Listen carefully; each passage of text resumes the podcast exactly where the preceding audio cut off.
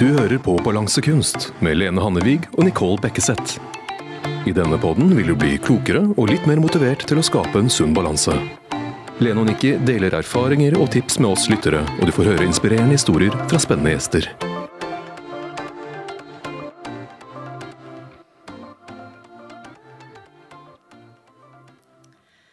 Ja, da sitter vi her med Lars Omdal, og det er jo veldig gøy å ha deg tilbake. Du har jo vært eh, tidligere og prata om eh, det med stress, men i dag så skal vi snakke om stoffskifte. Og det er veldig fint om du kan presentere deg på nytt, Lars. Ja, det skal jeg gjøre. Takk for å komme igjen. Eh, jeg er allmennlege og jobber som privatpraktiserende på Balderklinikken. Har gjort det i over 20 år. Jeg er opptatt av helhetlig helse og en individualisert tilnærming da, med mer eh, kompleks medisin som eh, jeg har utviklet selv i samarbeid med andre også. Men en modell for å møte mennesker som sliter ofte med bl.a. stoffskifte og andre vekt, andre problemstillinger. Mm. Og det er jo veldig interessant det med stoffskifte, for vi som kursledere vi hører jo stadig om det at ja, jeg har lavt stoffskifte, så det er så vanskelig for meg å gå ned i vekt. Eh, hvordan er det de som kommer til deg, er eh, størsteparten av, av pasientene er det de som har problemer med stoffskifte, eller? Ja. De fleste av de pasientene som jeg følger opp, og også som får plass Det er bare noen få som smetter inn på listene mine nå, for jeg har ganske fulle lister og hatt det i veldig mange år. Men mange kommer til meg ja, med hovedproblemstillingen stoffskifte. Og de ønsker å se hva de kan gjøre. Blant annet er mange frustrerte med vekta si. Ja. Og mange er slitne også og har et sett med symptomer. Så veldig mange har inngang da, til meg med stoffskifte. Men så begynner jeg da å se på også mange andre aspekter. Men er det da pga. vekta at en begynner å få mistanke om stoffskifte? Er det ofte det? For noen er det det, men ikke langt fra alle. For noen er det mer at de føler seg slitne, eller syns at hjernen funker dårlig, de husker ikke så godt lenger. Men veldig mange har en opplevelse av å ikke ha like god forbrenning lenger heller og sliter mer med vekten. Men det jeg tenker på da, eh, fordi vi har jo hatt eh, episoder her hvor vi også har snakka om overgangsalder. Mm -hmm. Og da føler jeg, når du nevner de symptomene der, så, begynner, så eh, høres det ut som det er overgangsalder. Og ja. ikke sant, så kan man forveksle litt de symptomene. Ja, altså Stoffskiftesymptomene er det vi kaller uspesifikke da, i medisin. Og det betyr at de kan skyldes veldig mange forskjellige ting. Så både vekt og slitenhet f.eks. kan kvinner begynne å merke mer da rundt overgang. Eh, men man kan også merke både slitenhet og vektøkning av et stoffskifteproblem. Eh, som f.eks. kan komme allerede når man er 15 eller 20. Ja. Så og la oss si at en kvinne er rundt 50. Da må man absolutt tenke på overgangsalder også som en viktig faktor. Så det kan være hos noen mer komplekst enn bare det ene eller det andre. Og det kan være samspill mellom de forskjellige faktorene. Så hvis man har de symptomene, da, så bør man kanskje sjekke ut eh, stoffskiftet? Ja, det vil jeg si. Eh, at det kan være lurt å ta. Det er en ganske enkle blodprøver. Eh, og leger er mye flinkere til å ta og sjekke stoffskiftet hos pasientene sine med disse uspesifikke symptomene, sliten, vekt eller andre ting, enn for noen tiår siden. Eh, så det er eh, veldig mange får de analysene, så må prøvene tolkes riktig, og man må vurdere eh, hvilke faktorer som kan egentlig ligge bak disse symptomene hos pasientene.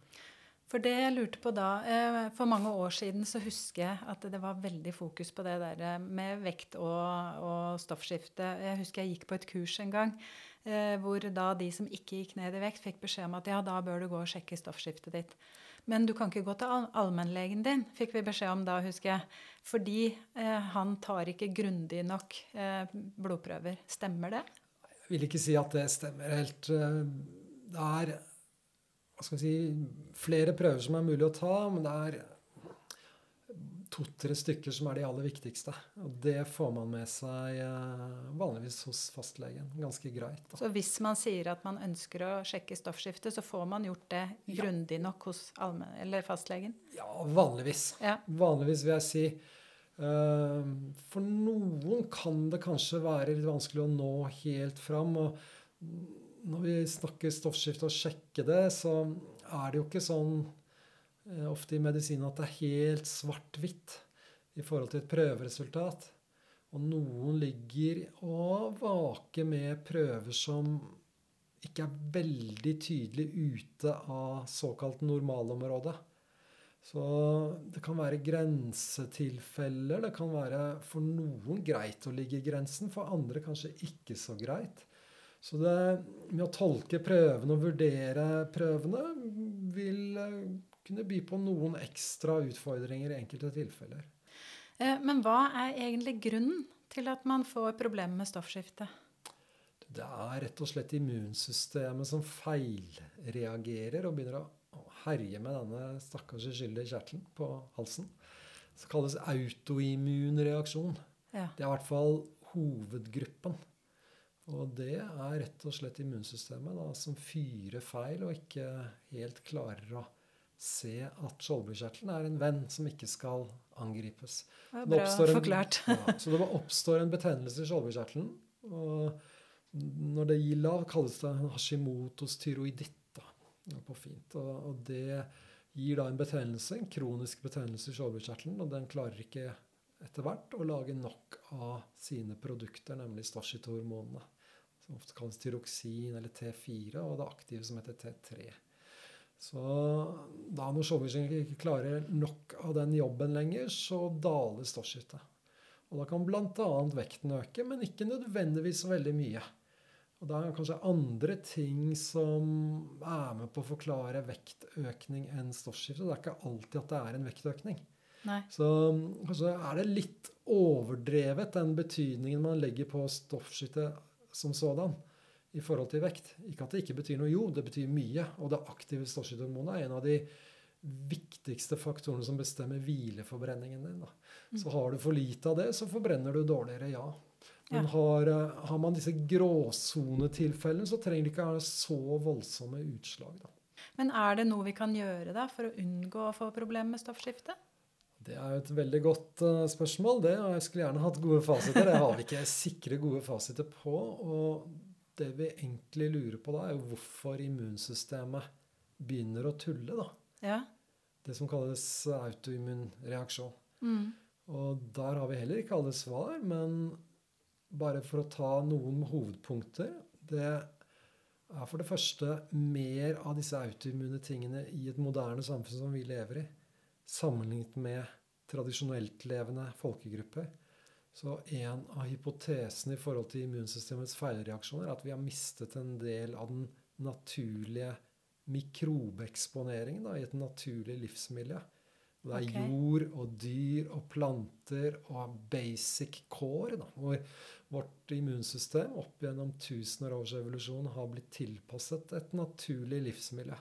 Kan det også ha da noe med maten vi spiser? Ja. F.eks. den ultraprosesserte maten vi spiser? Nettopp. Og jo mer vi prosesserer, jo mer tror det påvirker vi negativt økosystemet vi har i tarmene våre. Så vi får det som på fint heter en dysbiose. I motsetning til en symbiose. Så en dysbiotisk tarmflora er forbundet med vektøkning, blant annet, men også forbundet med immunfeilreaksjoner. Da. Så prosessert mat, i hvert fall den ultraprosesserte, vil trolig påvirke økologien og immunsystemet også negativt, samtidig med at det påvirker metabolisme negativt. Så det er et av aspektene rundt det. Dette med kosthold, at det muligens så kan vi påvirke. Så må vi nevne det at genetikk, da arvelig tendens, kan bety ganske mye. Så har man en, en slektshistorie hvor det er mange, f.eks. på kvinnesiden, da, hvor det er stor Mm. dominans i forhold til menn på stoffskifte, så har man en økt sjanse for å få det selv også. Akkurat. Når man har fått det, da, er det da noen mulighet for å bli kvitt det helt, eller må man medisineres resten av livet? Du, eh, det er mulig at det går an kanskje å påvirke denne autoimmune prosessen, i hvert fall hvis vi kommer litt tidlig til. Og at det går an å sånn sett beholde en rimelig grei egenproduksjon i skjoldbruskkjertelen til å holde det gående. Ja. Så det skal ikke utelukkes at i hvert fall for noen med en betydelig egenproduksjonskapasitet fortsatt, at man kan revurdere, da. Eh, Men vanligvis må man fortsette livslangt. Det Mm. gjelder de aller, aller fleste. Og Det er jo noen grupper som absolutt må ha livslang behandling, og det, de er de som har operert bort skjoldbruskkjertelen. Det kan være struma eller høyt stoffskifte eller kreft i skjoldbruskkjertelen. Kuler som har vært litt suspekte, som har fjernet skjoldbruskkjertelen. Og da har man jo null egenproduksjon. Akkurat. Da må man Mm. erstatte det. Og Ja. noen har fått radioaktivt jod pga. høyt stoffskifte eller kreft, må Mm. også ha erstatning så langt. Og hvis denne autoimmune betennelsesreaksjonen har gått langt nok, så har man ikke en fullgod egenproduksjon. Og da klarer man seg ikke uten tilført medisin. Men for noen med en i hvert fall mild variant du kommer tidlig til, og så er det også noen med som har kanskje kommet i gang med stoffskifthormoner med bare litt sånn i gråsonen velger, hvor det har vært en viss usikkerhet om de egentlig trenger det. Ja. Og da går det an å sette seg ned og sammen med pasienten prøve å finne ut av hvor sikkert var det egentlig at du skal bruke stoffskiftehormoner. Det ha vært andre grunner som gjorde at du var så sliten eller gikk opp i vekt den gangen for så og så mange år siden. Er det faktisk mulig for deg å klare deg veldig fint med din egen skjoldbruskkjertel? Mm. Og det er selvfølgelig det beste, at vi kan slippe å bruke daglig medisinering livslangt. Mm. Helt klart. Og da går vi ofte gjennom et, um, et forsøk på å trappe ned og slutte på medisin for å se hvordan går det med prøver, og hvordan går det med pasienten selv. Mm. Eh, og ikke så rent sjeldent i en sånn setting så klarer vi å plukke bort stoffskiftehormonene. ja, så bra. eh, for de. Men, Mm. sant, den Men det betyr at man egentlig da må reagere hvis man kjenner noen symptomer? Ja, da, altså dette krever jo da at legen og pasienten har eh, en kontrolltime, følger med. Legen må sanke inn ny blodprøve fra pasienten som kan gi en indikasjon på hvordan skjoldbruskkjertelen jobber. Ja. Og pasienten kan fortelle hvordan det går om man begynner å bli påfallende trett. Ja. Vekten begynner å dra seg plutselig opp igjen etter et par-tre måneder. Mm. Eh, man syns plutselig at man blir treig i hodet. Man blir Mm. mer frossen og kald. Mm. Tarmen blir tregere. Man blir litt mer pløsete eller hoven i kroppen. Det er altså viktig for meg å nevne som symptom. Da. Mm. Fordi dette med vekt det kan jo være fettmasse, men det kan også være væske til en viss grad. Da. Er det, betyr det at man kan uh, merke litt varierende væske i kroppen? Ja, det kan være en av, et av symptomene. Så Mm. Typisk symptom med for lite stoffskiftehormoner er at man rett og slett føler seg litt mer oppblåst og pløsete, litt sånn hoven i ansiktet ofte. Mm. Og hvis stoffskiftet blir lavt nok, så har man liksom klassiske ansiktstrekk som virker sånn, eh, sånn puffy, på en måte. Eh, Litt eh, Er det hoven opp. sånne trekk som det, er det noe du på en måte kjenner igjen når pasienten kommer inn? Ja, det kan jeg i hvert fall se etter, da. Mm. Så, og noen ganger så ser vi, når vi får til behandlingen eh, veldig bra og treffer eh, Virker det som spikerne på hodet hos en gitt pasient med riktig medisinering, så at akkurat ansiktet virker nærmest slankere, Ja. da. Eller man har tydeligere trekk tilbake igjen i mm. ansiktstrekkene. Så ja, eh, det kan for noen være relativt tydelige endringer. Andre ikke i like stor grad. Så igjen individuelle variasjoner på hvilke symptomer som presenterer seg mest. da. Men, men det vi har prata om nå, det er jo lavt stoffskifte. Men hvordan er det med høyt stoffskifte, da? Da har vi eh, for mye av stoffskiftehormonene i kroppen. Vanlig grunn er også autoimmunitet. Mm. Merkelig nok at mm. immunsystemet kan både gi lavt og høyt da, når det feilreagerer. Og ved høyt så kalles det Graves, eller Graves sykdom. Noen av de har for øvrig påvirkning av øynene. Og kan få litt utstående øyne, litt større øyne. Akkurat. Fordi det blir betennelse i øyehulen, også i vevet, i bindevevet i øyehulen. I hvert fall høyt stoffskifte. Da blir det da en skjoldbruskkjertel som overproduserer stoffskiftehormonene. Og da kan, når det blir nok av det, forbrenningen bli altfor høy. Ja, Så da går man ned Så i man vekt? kan gå miste vekt selv om man har stor appetitt og spiser kanskje mer enn man har gjort. Mm. Og når jeg snakker om adrenalin som et viktig hormon, så blir det for mye av det Ja. høyt stoffskifte. Så man kan få hjertebank, rask puls, man kan bli skjelven, varm, svett, løs i magen, søvnløs, overgira, føle seg stressa, urolig. Mm.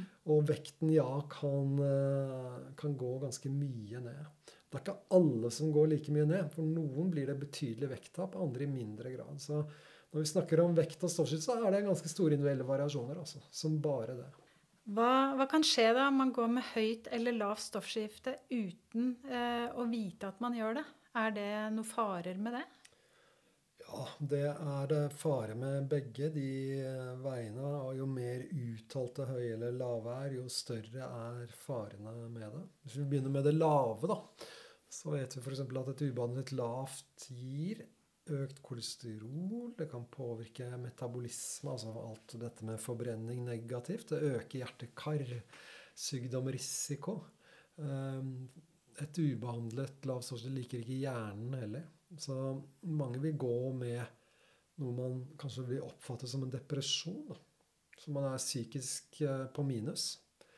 Og hvis man eh, ikke eh, snapper opp grunnen til det, så vil man jo kunne bomme, og mistolke en depresjon som egentlig er en dominoeffekt av et for lavt stoffskifte i hjernen, som en primær depresjon. Og så får man ikke den riktige behandlingen. Så blir man kanskje ikke ordentlig bedre. Mm. Eh, sånn at det kan ha psykiske negative effekter. Det kan ha negative effekter på hjerte-kar-risiko, det kan ha negative effekter på kolesterol, på vekt og mye annet i kroppen, egentlig. Eh, benskjørhet kan man til og med få mer av ved ubehandlet lavt og høyt. Når det gjelder det høye, da, så er det som om man piskes på veldig mye.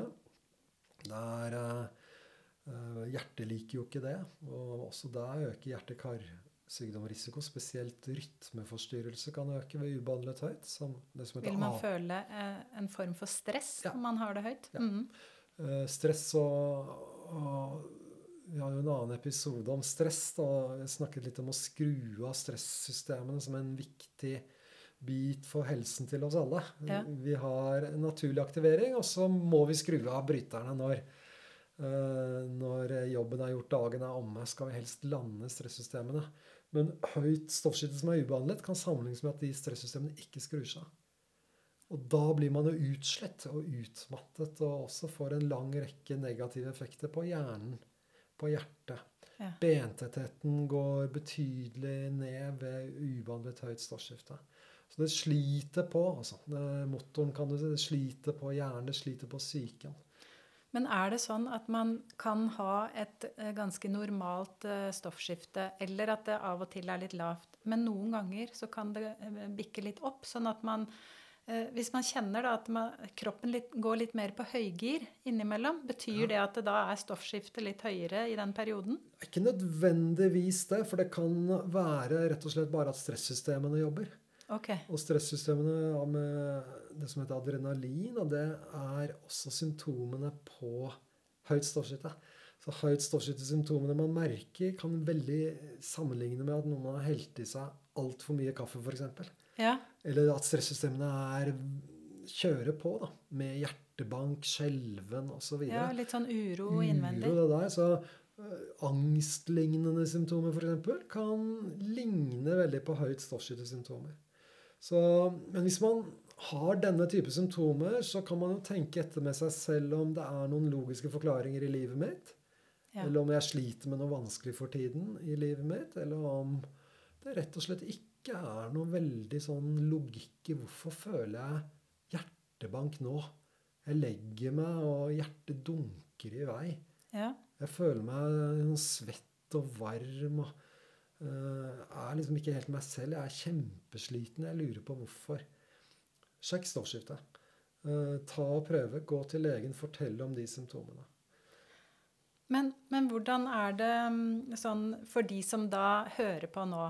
Eh, og tenker at eh, hvor, hvor, bør jeg egentlig ligge? Eh, sånn, hvor, hva skal referanseverdiene være for de som kan litt om det? Da Da tenker du på prøvene? Ja.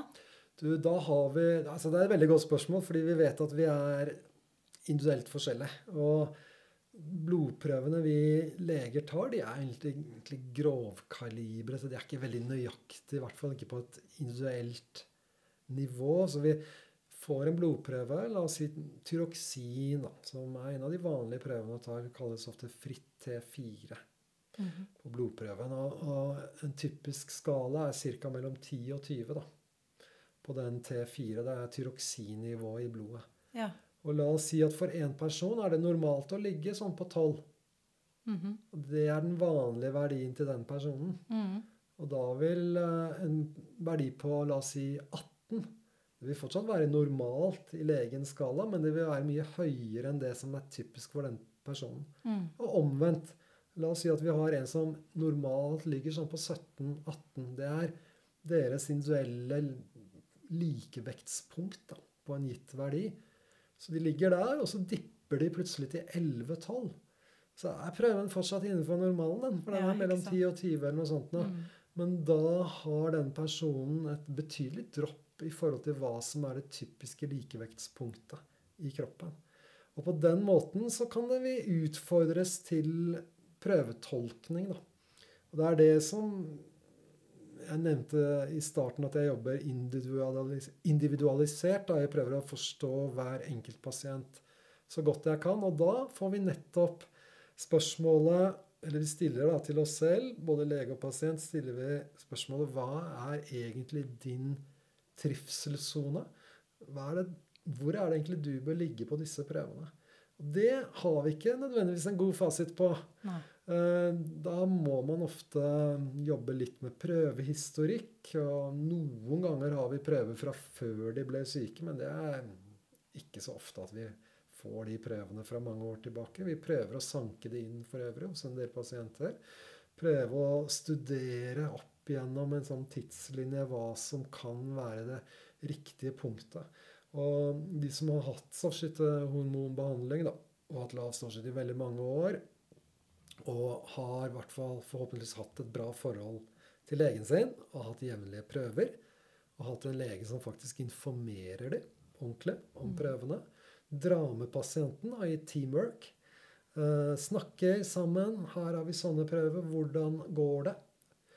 Jeg har det bra nå, jeg føler at hodet mitt er med, jeg orker å trene, jeg tar vare på meg selv, jeg orker faktisk litt sosialt etter jobb, jeg har det rimelig bra da. Mm. Jeg er sliten til tider, ja, men hvem er ikke det? Mm. Ikke? Så man oppnår en noenlunde tilfredsstillende situasjon mm.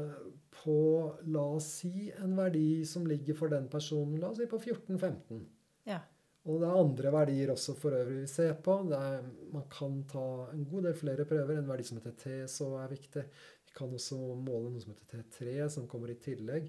Så vi kan etter hvert for en gitt pasient, i hvert fall med et litt eh, lengre lege-pasient-forhold, at vi får fulgt opp pasienten over gjerne flere år, og man begynner å bli ganske godt kjent med hverandre.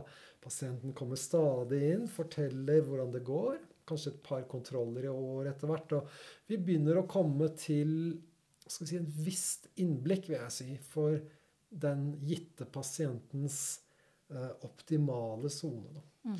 Så det å ha en god dialog med legen, det, Alfa det er alfa og omega, ja. Det er veldig veldig viktig. Og dessverre må jeg si at en del av de pasientene som slipper inn hos meg til slutt, de, de har jo en del negative opplevelser opp igjennom og føler at de ikke har blitt sett nok eller lyttet Ja. ordentlig til, tatt ordentlig på alvor. De føler at de er liksom blitt avfeid litt da, med normale prøver. Derfor per definisjon har du det bra.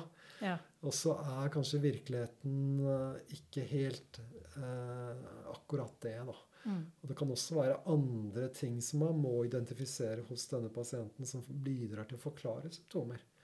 Ja. Eh, og på den måten vil eh, man forhåpentligvis oppnå en mye bedre eh, da tilfredsstillende respons på behandling, og pasienten forstår seg selv bedre, og legen forstår bedre pasienten. Så et stabilt lege-pasient-forhold over tid er mye verdt, altså. Men også at en lege er lyttende og ivaretagende og er litt på'n i samme pasient for å prøve å finjustere seg inn til en optimal medisinering, annet. Og en optimal, god, helhetlig kartlegging av denne pasientens situasjon. Veldig bra. Nå tenker jeg at eh, mange av de lytterne som sitter der ute, tenker at eh, åh, jeg har jo disse symptomene, jeg. Mhm. Men så tenker de òg men jeg har jo stressa mye i det siste. Og ja, eh, Mm. At du prøver å finne en forklaring på hvorfor du er sånn, da. Hva tenker du nå da? Bør de der ute som kjenner seg igjen i noen av symptomene som du har nevnt nå, bør de gjøre noe? Eller hva, hvordan skal de forholde seg nå? For jeg tror jo veldig mange tenker det etter å ha hørt på deg. Ja, ja, jeg tenker at det er en enkel, grei blodprøve kan i hvert fall gi oss clou om det er tydelig ute høyt eller lavt stoffskifte. Ja. Lavt er for øvrig mye vanligere enn høyt. Uh, og hvis man tenker med seg selv at jo, her har jeg helt opplagte grunner i livet mitt til hvorfor jeg er så sliten. Eller jeg vet at jeg ikke har fått trent nå på det siste året. Jeg har heller ikke fått uh, hatt det kostholdet jeg vet kroppen min trives med. Jeg har hatt for mye. Det har vært sånn og sånn med familien eller et eller annet. Så har man selv et inntrykk av at ok, her har vi noen egentlig ganske logiske grunner da, Mm. til f.eks. vektøkning eller slitenhet eller andre symptomer. Mm. Så kan man så godt man kan se om det er mulig å, å justere de strategiske faktorene så godt man kan. Og hvis man får en god respons da, og ok, nå skjer det noe positivt med vekten min, og har jeg mer overskudd, Har jeg rett og slett det bedre, Mm. så er det meget sannsynlig at man hadde rett da i mistanken. ikke sant? At det ikke er en stoffskiftefaktor som forklarte det. Men om man ikke har de knaggene, i hvert fall ikke så tydelig, eller hvis man likevel opprettholder ganske godt øh, med trening, med kost, og man prøver å balansere livet sitt så godt det lar seg gjøre, da, og prøver å lande stress og ikke kan egentlig si at det er noe tydelig der, men likevel så er det noe som slurer, da. Mhm. Man har plutselig gått opp åtte-ti kilo i vekt. Man føler seg hoven i kroppen. Man er litt nedstemt. Man er helt unormalt sliten og trett i forhold til hva som er sitt vante jeg. da. Så bør man absolutt gå og få sjekket litt eh, ting og tang, inkludert stoffskifte. Mm. Med enkel prøve, og i hvert fall se om det er noe, noe tydelig utslag. Og om det bare er gråsoneutslag, så kommer vi til problemstillingen skal man eller skal man ikke behandle da. Er det de litt redusert stoffskifte som forklarer det, eller er det noen andre aspekter? Og det er ikke gitt at et utslag på stoffskifteprøvene forklarer slitenheten heller. Nei. Så man må hele tiden eh, tenke helhet og individualisert på disse tingene så godt mm. man kan. Og det krever jo litt tid av legen, da. Ja. Og eh, vi møter pasienter med 90 minutters første gang. Såpass, En og en Mm. klokketime. For å i det hele tatt ha sjanse til å kartlegge mange av disse viktige tingene og forstå ikke minst stoffskiftet bedre. Men tusen takk, eh, Lars. Det har vært veldig opplysende, dette her. Og jeg tror mange av lytterne våre har uh, syntes at det er fint å høre på det.